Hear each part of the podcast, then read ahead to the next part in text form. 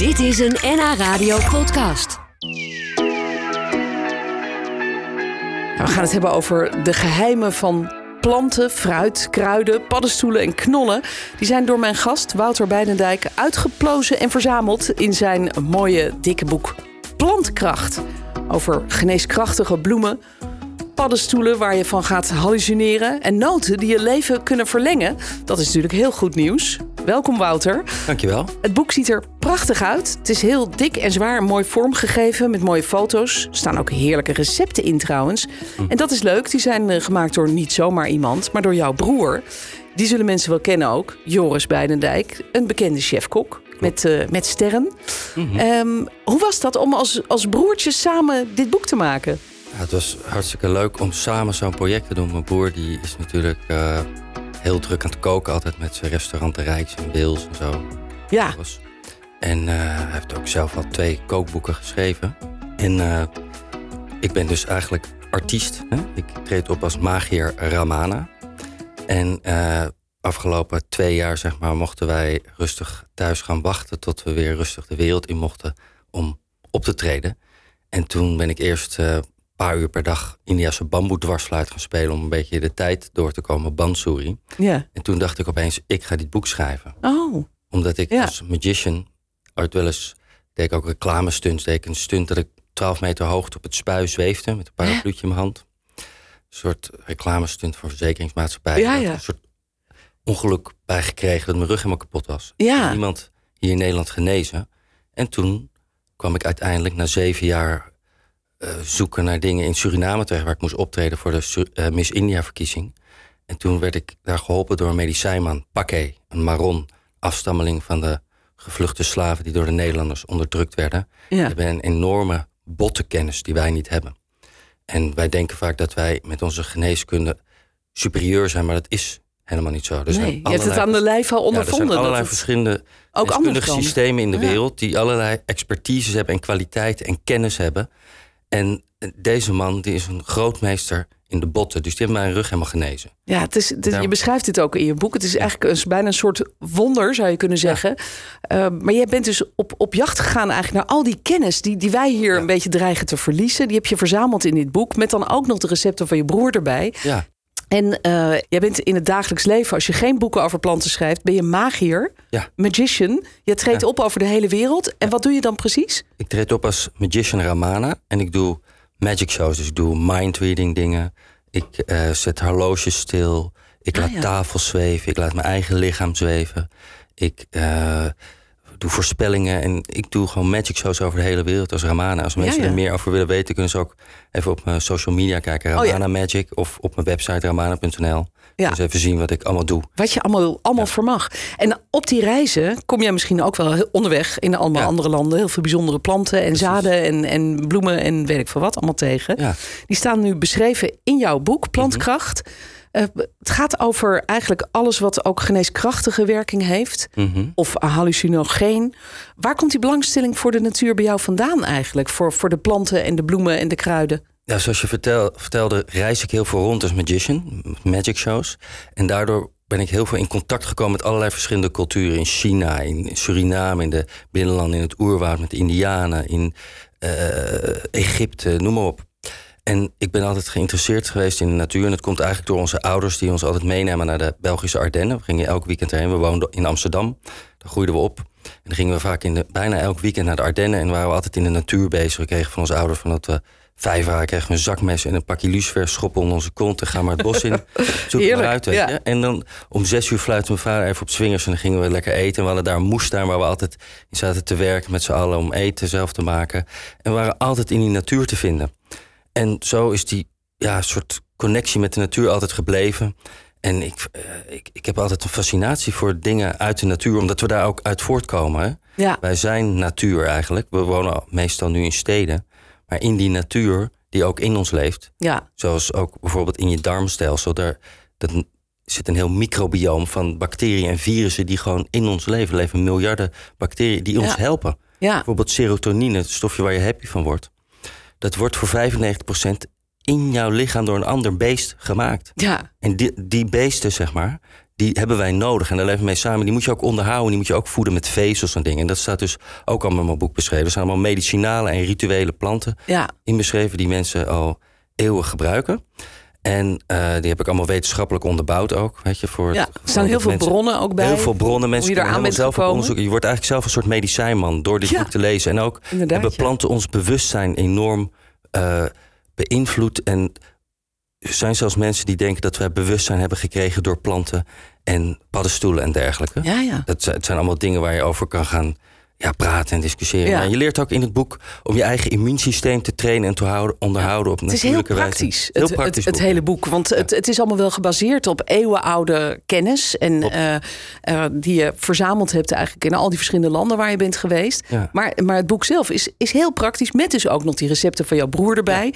Eh, Ben je maar ook met hem echt op pad gegaan? Zijn jullie samen planten gaan, gaan kijken en Ja, een proeven? paar En- wel. Hij is natuurlijk heel druk met het koken en zo. Maar ik heb wel met zijn hele team, de koks waar hij mee samenwerkt... een soort proeverij gehouden van allerlei planten die ik kende... die zij nog niet kende en paddenstoelen waar je dan dingen mee kon doen. En we zijn vroeger heel vaak in de natuur samen geweest en zo. Maar dat ging voor hem dus ook toch weer een wereld Voor hem open ging ook weer een hele nieuwe wereld open. Er waren allemaal dingen die hij niet kende. En ik kijk meestal naar de inhoudstoffen van mijn voeding... wat daar allemaal in zit en wat het met je kan doen. En dat leer je ook in het boek Plantkracht.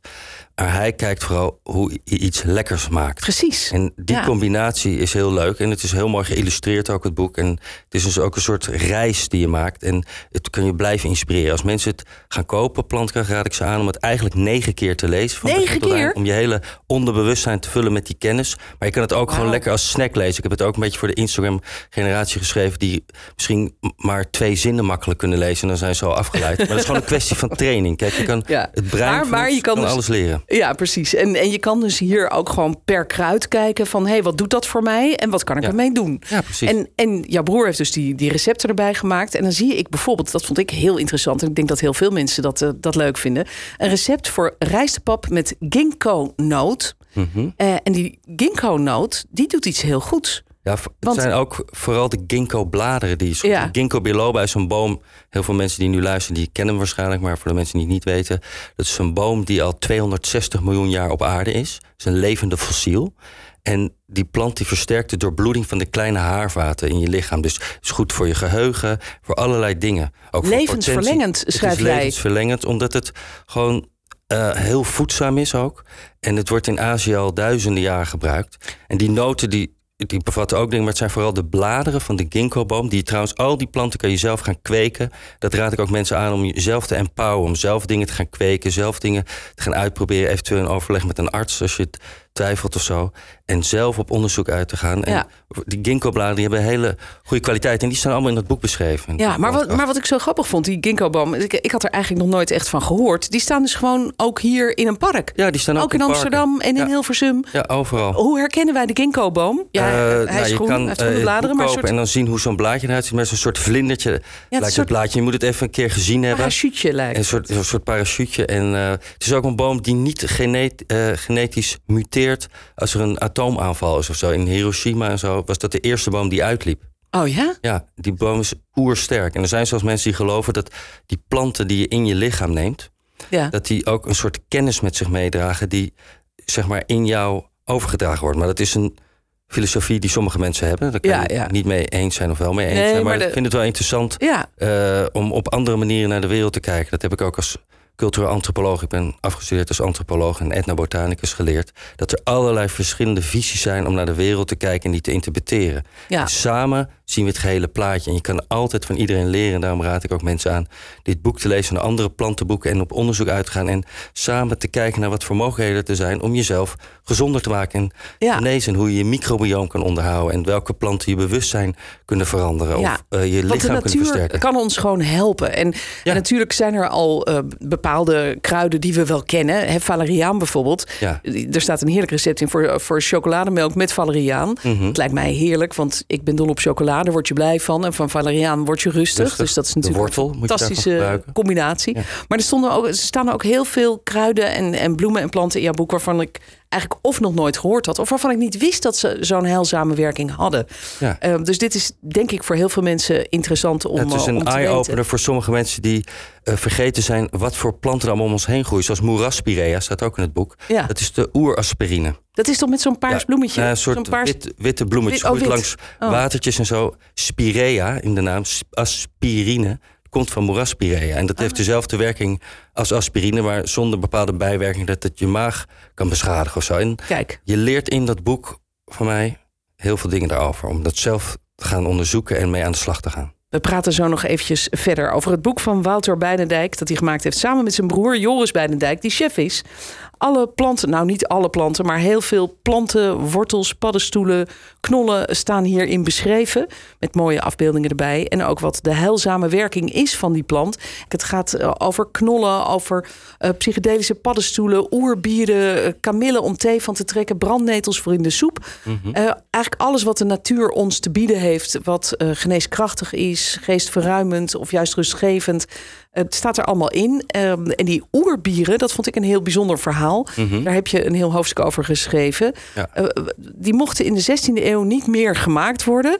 W- wat ging daarin, in die oerbieren? Ja, in die oerberen zaten allerlei verschillende planten. Kijk, wij leven nu in een maatschappij waarbij bijvoorbeeld koffie, waar je in een fight or flight staat van bewustzijn terechtkomt. Eh, maar er zijn ook allemaal planten waar je bijvoorbeeld heel empathisch van wordt. Of waar je heel eh, krachtig van kan gaan rennen. Of eh, heel relaxed van wordt. Of waardoor je visioenen kan krijgen. En het was vroeger zo dat bieren gemaakt werden door de vrouwen.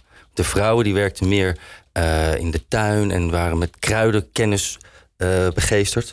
En die deelden ze met hun dochters. En die vrouwen maakten bier. En dan als ze klaar waren met het bier, dan zetten ze een bezemsteel buiten. Waardoor de mannen wisten, het bier is klaar. Als ze Oh. op de markt het bier gingen verkopen, zetten ze een grote punthoed op. eh, waardoor mannen van een afstand wisten, ah, daar staan de vrouwen het bier te verkopen. Wat Op een grappig. gegeven moment Ja. eh, was het zo dat het vrouwen verboden werd om al die planten in die bieren te verwerken. En, eh, Vanwege die geestverruimende ja, elementen? vanwege of wat? de power die ze kregen. Oh ja. Want ze verdienden veel geld en de power die mensen erdoor kregen.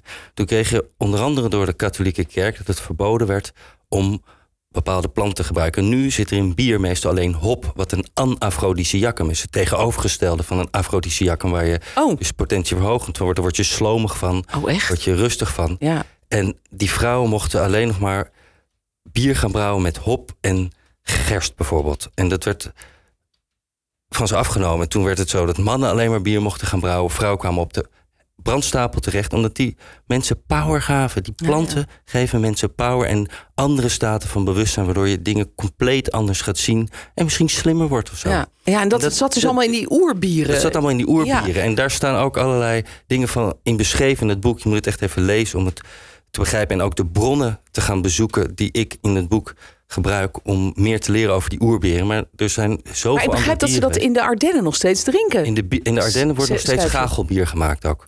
Gagel is een eh entheogeen. Kijk, dus Wat vaak is worden, entheogeen? het- vaak worden dingen die bewustzijnsstaten veranderen hallucinogeen genoemd. Maar een Ja? entheogeen is eigenlijk eh, de, de god in jezelf. Dat je de goddelijke in jezelf, wat in de natuur is, door die substanties die vaak uit de plantenwereld komen, vindt. Ja. En eh, waardoor je visioenen kan krijgen. Heel veel culturen. Is dat zoiets als ayahuasca? Ayahuasca is een, Bijvoorbeeld. Dat is een brouwsel bekende- uit de Amazone... waarbij verschillende planten bij elkaar gebracht worden... waardoor je dimethyltryptamine, wat overigens ook in ons eigen lichaam aangemaakt wordt...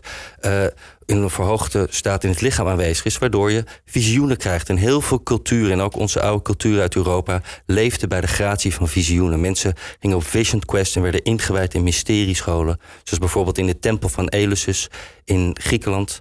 waar mensen een kikion te drinken kregen. Zoals Plato en Socrates daar ook geweest zijn en verlicht zijn geraakt. En dat beïnvloedde onze cultuur en heeft onze cultuur gevormd eigenlijk. Ja, je schrijft er eh, over, eh, over de geschiedenis, maar ook over het nu, waar we die planten gewoon kunnen vinden. Lekker Ja. praktisch, want ze Ja. staan dus ofwel bij ons in het park, of je kunt ze misschien kopen bij een eh, drogist of een Ja, kruidenzaak. te vinden. Ja, Of online zoeken, Ja. of overal. je schrijft er ook wel duidelijk erbij van, ja, kijk goed wat je doet. Ja, een soort goed naar de disclaimer. dosering. Want je, je moet natuurlijk niet zomaar gaan lopen aanklooien Nee, je met moet niet zomaar allerlei... van alles in je lichaam gaan gooien... Nee. je denkt Uh, en dit die planten zijn heel sterk, die, die hebben power. En dan moet je echt even goed verdiepen wat doseringen zijn. En met kenners, fytotherapeuten gaan praten, artsen en mensen die je bij kunnen begeleiden. En gewoon oude boeken bestuderen en mijn boek lezen. Ja, je, het is een soort inwijding. Mijn boek Plantenkracht is een inwijding in de plantenkennis die eeuwen en eeuwen en millennia met ons samen is. En een van de diepste oertradities van de mensheid is het gebruik van entheogene psychedelica om in andere staten van bewustzijn te komen. Er zitten gevaren aan, maar er zitten ook hele bijzondere, wonderbaarlijke dingen aan waar mensen echt wat aan kunnen hebben. Dit was een NH Radio podcast. Voor meer, ga naar nhradio.nl. NH Radio.